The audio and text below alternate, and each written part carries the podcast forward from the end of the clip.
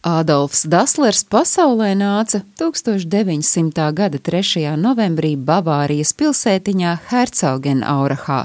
Vēļas mazgātājas un maiznieka ģimenē kā otrais dēls. Vecākais brālis Rudolfs, kuru visi sauca par Rūdī, bija vien divus gadus vecs, kad pasaulē ieradās Ādolfs. Tiesa, Ādolfa vārdā viņu reti kāds sauca. Tā vietā izmantoja saīsinājumu Ādī, un viņš bija kluss zēns, kurš sapņoja par to, ka varētu kļūt par maiznieku. Kad sākās Pirmais pasaules karš, Adī bija vien 14 gadu, tāpēc viņš, atšķirībā no vecākā brāļa, karā netika iesaukts, un tobrīd viņa lielākā aizraušanās bija futbols. Vācijai karā piedzīvojot sakāvi, Dasleru ģimenei pienāca grūti laiki. Vecākais brālis Rudolfs gan no kara pārnācis sākotnēji izmēģināja spēkus policista amploā, bet tad Adī mudināta, ģimene nolēma pievērsties apavu ražošanai, un tam, jāteic, abi dēli pievērsās ar riktīgu vācieša pedantismu. Īpašs naks uz apavu radīšanu bija tieši Ādolfam. Sākotnēji viņa apavus taisīja savā mājā, bet vēlāk, kad bija jau izauguši, 1927. gadā ģimene noīrēja ēku rūpniecai, kurā strādāja 25 cilvēki, un dienā varēja saražot ap simt apavu pāru. Bet neba parastus apavus bija lēmuši radīt brāļi Dasleri brīdī, kad dibināja savu ražotni. Jo projām dedzīgs futbolists būdams, Adī radīja dizainu futbola apaviem. Bet no tiem savukārt Adolfam dzima ideja par sporta apaviem ar asumiem, pie zolēm, un šo izgudrojumu par labu esam atzina tā brīža Vācijas olimpiešu vieglatlētu treneris. Rezultātā tie nokļuva olimpiādē. Pirmo reizi ar Dasleru apaviem vieglatlēti startā izgāja 1928. gada olimpiādē.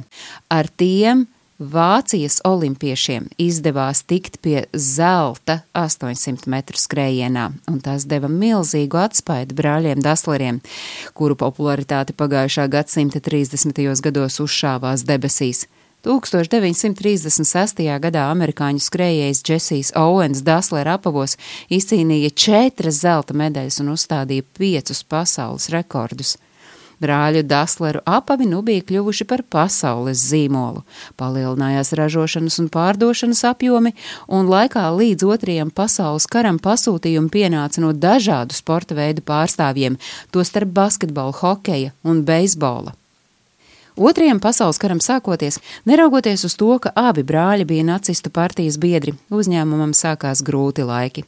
Konfiscēja Dasleru rūpnīcas, kuras nu jau bija divas.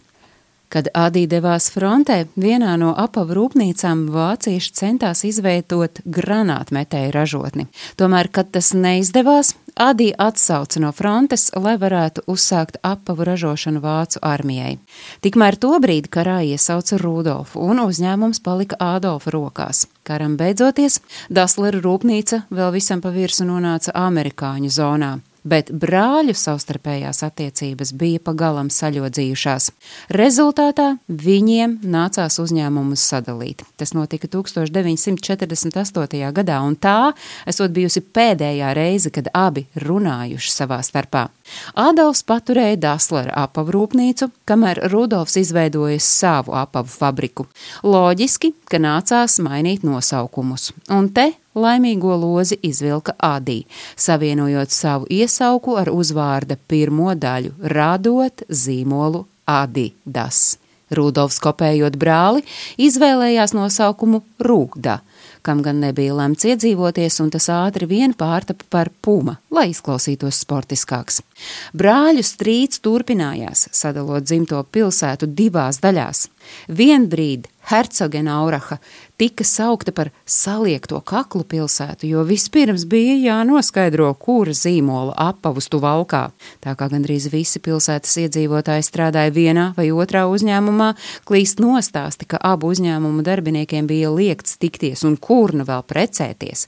Brāļu sāncensība, nepārtraukti uzlabojot un attīstot savus produktus, cenšoties vienam otru pārspēt, turpinājās līdz pat abu aiziešanai viņa saulē.